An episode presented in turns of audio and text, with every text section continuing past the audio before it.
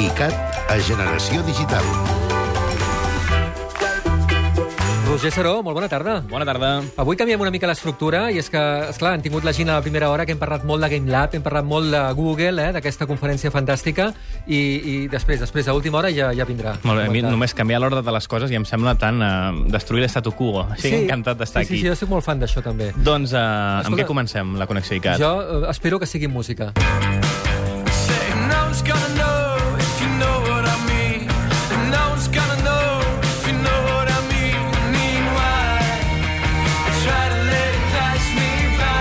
Doncs sentim els Ginga, banda austríaca, que des de l'escena índia, mica en mica, s'han anat donant a conèixer, que de vegades no és fàcil, eh? Si no dius que ets brit o ets yankee i dius eh, soc d'Àustria, però aquest quartet de Viena, concretament, ho estan aconseguint. De fet, ja han visitat el nostre país en algunes ocasions i des d'ICAT.cat, com sempre els primers, ja punxàvem el seu primer àlbum. Molt bé. Si ara els porto és perquè sí, acaben de treure el segon disc fa no massa temps, un dels àlbums de l'escena independent europea doncs, eh, més esperats d'aquest any, un disc que es titula Yes, No, amb una barra, potser ells diuen Yes slash No, i té hits com AA o No, No, No però és, un, és pop normal, no us penseu que són rareses. Molt bé. El que sentim és un títol més fàcil que es diu Make Me. I els Ginga, que són una banda, si voleu referències, que se'ls ha comparat amb eh, grups com els Bombay Bicycle Club o els Tudor Cinema Club, també, aquests últims que els coneixeu millor, i eh, podeu gaudir d'aquest pop. Mm, Segurament per l'estiu ens va superbé. És un grup que jo el vaig descobrir, perquè jo porto coses però perquè les descobriu, però jo les descobreixo abans. Així Sí, és la vida. esclar, esclar. El vaig conèixer gràcies al Sound Hunter. Tu Saps qui és? Sí, sí, Son Hunter, amb uh, Raúl Hinojosa, uh Mhm. -huh. un programa que s'ha d'escoltar i que sorprèn des del primer minut, de fet. El podeu trobar eh, en directe, ben directe. S'emet en streaming en dos quarts de nou els dissabtes, però us podeu baixar el Sound Hunter de cada setmana a icat.cat, on ens fa descobertes genials com aquesta, i els Ginga i els tinc molt interioritzats. Banda austríaca que heu de descobrir, recordeu, el seu nou disc, segon disc, es titula Yes, uh, No, i uh, aquesta cançó que sentiu, Make Me, que ja fa dies que gira a la selecció musical d'icat.cat. Ara m'encanta perquè passem a, a un parell de personatges que són l'exemple eh, molt clar de guanyar-se la vida amb el que els agrada fer gràcies a la seva bona feina a la xarxa. Mhm, Al YouTube. Vengamonjas han estado años haciendo el idiota, forjando entre ellos una relación que va más allá de la amistad. Podríamos llamarlo amor, pero no un amor normal. Un amor subnormal. Wait a second. I els coneixeu molt bé, el duet humorístic Venga Monjas. Ells són Xavi Daura i Esteban Navarro, amics de l'institut, Imagina't. tota la vida gairebé, que van començar a fer vídeos d'humor totalment absurd eh, ja fa uns quants anys perquè, per això, perquè els agradava fer-ho i avui en dia, doncs això es dediquen. Podríem dir que són actors, que són guionistes, però vaja, són gent que del YouTube eh, o de la xarxa en general n'han fet la seva feina de saber-ho manegar bé i també de, ser, de saber fer aquest eh, bon humor. Han treballat per tele, eh, també. Han aparegut fins i tot en algun llargmetratge, en, en tot el que es diu l'escena del post-humor, o aquest humor més emergent. Però, Però, vaja, però el cor està a la xarxa, Sí, sí, eh? d'ells eh, han seguit fent el que, el que van eh, començar a fer ja fa 8 anys, que és penjar un vídeo a la xarxa per a fer riure la gent. El tema, eh, ara parlem d'ells, perquè han publicat un DVD, que sembla molt poc propi perquè és com el camí invers. És aquesta És gent veritat. que s'han fet seus la xarxa, que tenen milers de seguidors a Twitter, a Facebook i als seus vídeos milers de reproduccions, ara han decidit treure un DVD. I sí, perquè no cal que m'ho preguntis, el que hi ha està al YouTube també, excepte alguns extras. Ara t'ho explico. El tema és que té molt de sentit que l'hagin tret perquè aquest DVD dels Vengamonjas, el seu primer DVD, es titula Directed by per tant, són altres directors que els Molt han bé. dirigit a ells. Són curtmetratges, o més aviat migmetratges, on eh, ells dos els han dirigit altres en directors, que de fet jo al llarg de la temporada del Generació Digital us els he anat descobrint. Ells són Carlos Bermud, director de Diamond Flash, Sí. pel·li que està al Filmin, Néstor F., que també és dibuixant de còmics, Carlo Padial, que recordeu, fa només dues setmanes vaig parlar Sí. d'aquella pel·li Taller Caputxoc, sí. doncs també va dirigir els Vengamonjas, i Saki La Cuesta, segurament el més reputat de tota la llista, aquest director català que ha signat pel·lícules com Los Pasos Dobles o El Cuaderno de Barro, molt mm, denses, íntimes, doncs també ha fet humor amb els Vengamonjas. Marc Creuet també participa en aquest DVD, el director de Pop Ràpid, la sèrie del Sí. 33, la coneixeu, doncs I també tant. ha dirigit a un curtmetratge amb els Vengamonjas que s'inclou en aquest DVD, i el sisè que tanca la llista és Ernesto Sevilla, que el coneixeu, de Muchacha de Nui. Doncs en el programa Els Experts d'ICAT.cat, com que Albert Miralles i servidor sempre han volgut ser els Vengamonjas, o ser molt tant com ells, el que hem fet és a, a agafar-los aquest DVD, mirar-nos-el i parlar amb ells sobre aquestes col·laboracions.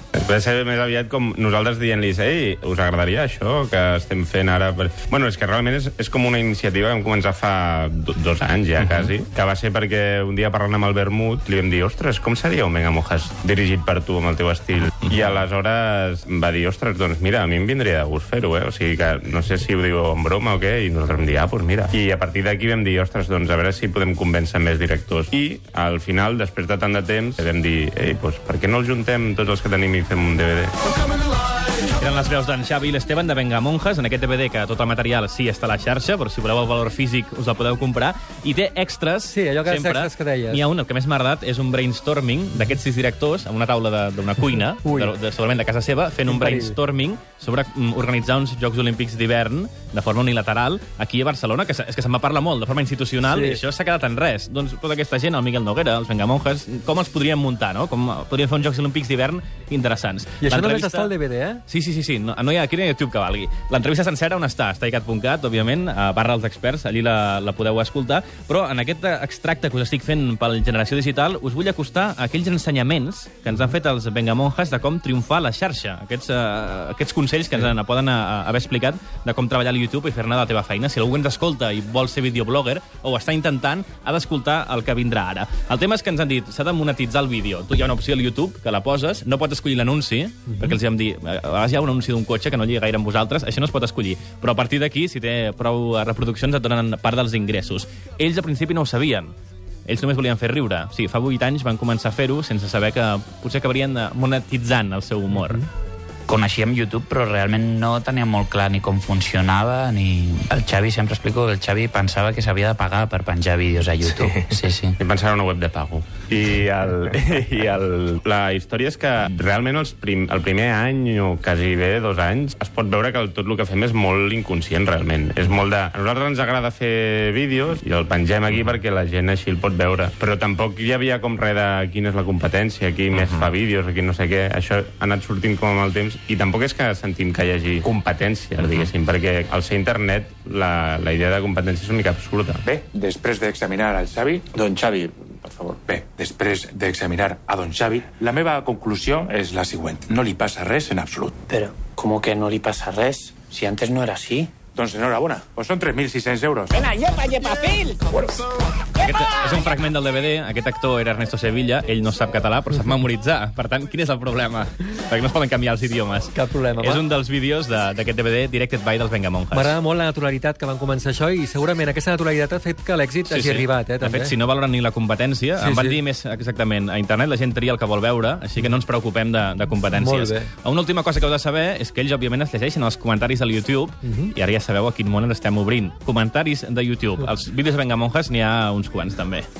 Els comentaris de YouTube són la polla, perquè és com que sempre hi ha aquest punt com de el que estic pensant en el moment i no m'esforçaré ni, ni el més mínim en, en articular una ah, miqueta no. de discurs. I, I sobretot quan algú li agrada un vídeo de YouTube és en plan ei, m'ha molat molt, feu més ja. Com ja. un rotllo... Inclús a vegades algú in, ens insulta en el mateix comentari. Ens ha agradat molt, feu més ja, fills de puta. I és com, bueno, tranquil, tio.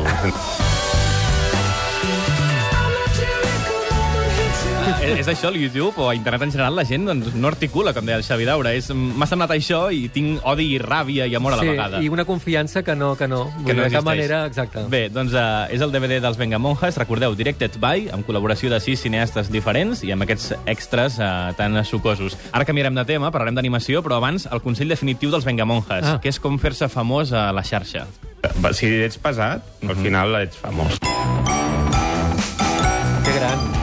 No teniu per què prendre-us al peu de la lletra, però és el seu discurs. Sí, real, realment m'ha agradat molt. Per cert, ens has triat dos podcasts del programa Cabaret Elèctric, eh? Dos podcasts interessants de dos temes molt diferents que us poden interessar. El Cabret Elèctric, per tant, ja ho sabeu, cada vespre a icat.cat a partir de les 9, en el Montse Virgili, han muntat una taula rodona per conèixer l'estat de l'animació a Catalunya. Perquè aquest sector de l'animació també passa una mica com els videojocs, que hi ha professionals molt bons, però que treballen per a empreses de qualsevol racó de món. Doncs ja que els tenim a prop, almenys hem d'aprofitar per portar-los a l'estudi d'ICAT i fer aquesta taula rodona amb tres persones, que ara us dic qui són. Mira, l'Edo Marín, il·luminació en animació, eh, amb més de 15 anys de trajectòria, ha treballat en Pixar, pel·lícules com Cars 2 o Brave, per tant, de nivell internacional. L'Àlex Villagrassa és català, però ha treballat en efectes especials de pel·lis com Rec, Gran Piano, Variet, i actualment treballa amb Terry Gilliam a la pel·lícula de The Man Who Killed Don Quixote, per tant, també a nivell totalment internacional. Molt I el tercer, sí, Carlos Grangel, és dissenyador de personatges de films com La ruta hacia el Dorado, Ants, La nòvia cadàver, Madagascar o Kung Fu Panda. Per tant, si agafes la més antiga, porta també més d'una dècada treballant en animació. I la Virgília va aconseguir aquesta taula? Sí, jo he aconseguit fer un remix de la tertúlia. Si us convenço, us la Sí. baixeu sencera. Hi ha molt professional i molt de talent, però no hi ha caldo de cultiu de producció, no? de productors que estiguin predisposats a invertir. Sí, aquí també hi ha poca tradició, inclús això, clients o el- com que no podem crear no, no la consciència que podem crear animació de qualitat aquí. I sí que la podem crear, es, es demostra. Hi ha artistes per tot el món que són d'aquí que ho estan demostrant. Una de les coses que ens falta també aquí és el tema de, de guió, no? perquè eh, es fan productes moltes vegades massa locals. És un fragment... Eh, Eh, crític. Sí, eh? a mi m'he permès ficar una mica de mà aquesta sintonia. Sí. És una pel·li d'animació de l'any 1911. Per Oh. tant, no hi han treballat aquests nois, però hi ha un director eh, soviètic, que es deia Ladislas Starevich, Mhm. que feia animació amb objectes, que a mi m'agrada molt. Eh, Segur que tots els contertulians del generació el coneixien abans que jo naixés, però també és un apunt que us poso. Molt bé, ens agrada. Uh, per acabar, parlem Sí. d'electrònica. I també és un podcast del Cabret. El segon.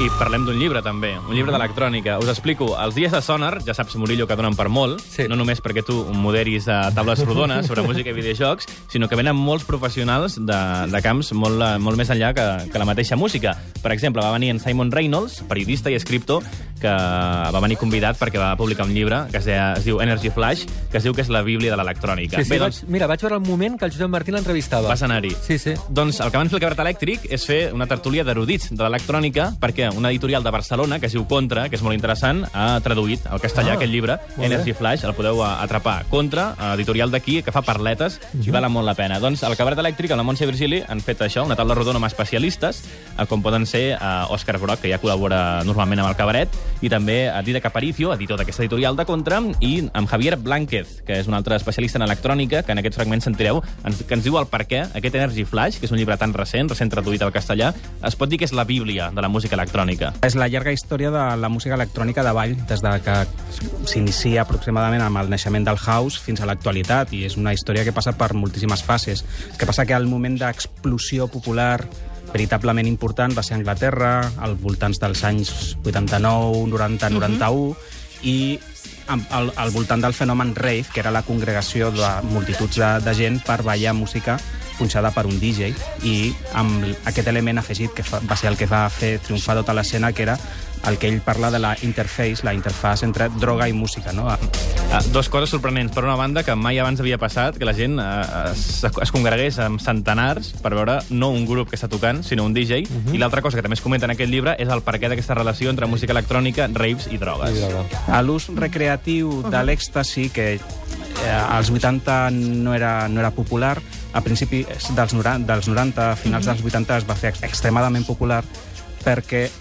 intensificava l'efecte de la música en el cos. I ja per acabar, una intervenció que m'ha semblat interessant de l'Òscar Broc en aquesta tertúlia, periodista i escriptor, que el que fa és un salt, un link a un altre llibre d'electrònica que si Energy Flash us interessa, en podeu rebuscar i trobar-ne un altre.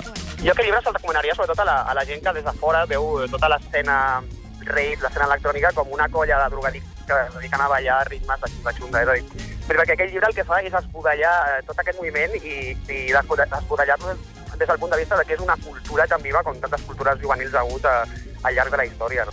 Vale, el llibre no el comenta, eh? heu de- heu de sentir la tertúlia sencera. Per cert, ja per acabar i me'n vaig, un últim, el link que el faig jo és que Òscar Broc va publicar un llibre en contra que es diu Barcelona és una merda, no sé Sí, si us sona, i no sí, és pas sí. una crítica. És un recull super ben escrit de històries, totes basades, cada una, en un lavabo real. Mhm. Bar per bar, cocteleria per cocteleria, discoteca, sala de ball... Cada vàter dona una història en aquest llibre. Barcelona és una merda. D'Òscar Broc eh, publica contra, té ja un parell d'anys. Va ser mm, per Sant Jordi els meus amics eh, regalaven aquest. Sí, Clar que jo- jo no, no, no és una mostra, els meus amics, perquè regalen coses d'aquestes, no? Però vull dir que el llibre està bé i Energy Flash també el publica l'editorial Contra i també és molt interessant per aquells que vulgueu saber més i tot de l'electrònica. Doncs aquest llibre el vaig veure per primera vegada a la taula dels experts. I vaig dir, què és això? I, i vau vam dir, explicar. és una bíblia per nosaltres i les nostres històries. Moltíssimes gràcies, Roser Saró. Doncs eh, ens sentim la setmana que ve. Adéu, Aviat, equip. Adéu-siau.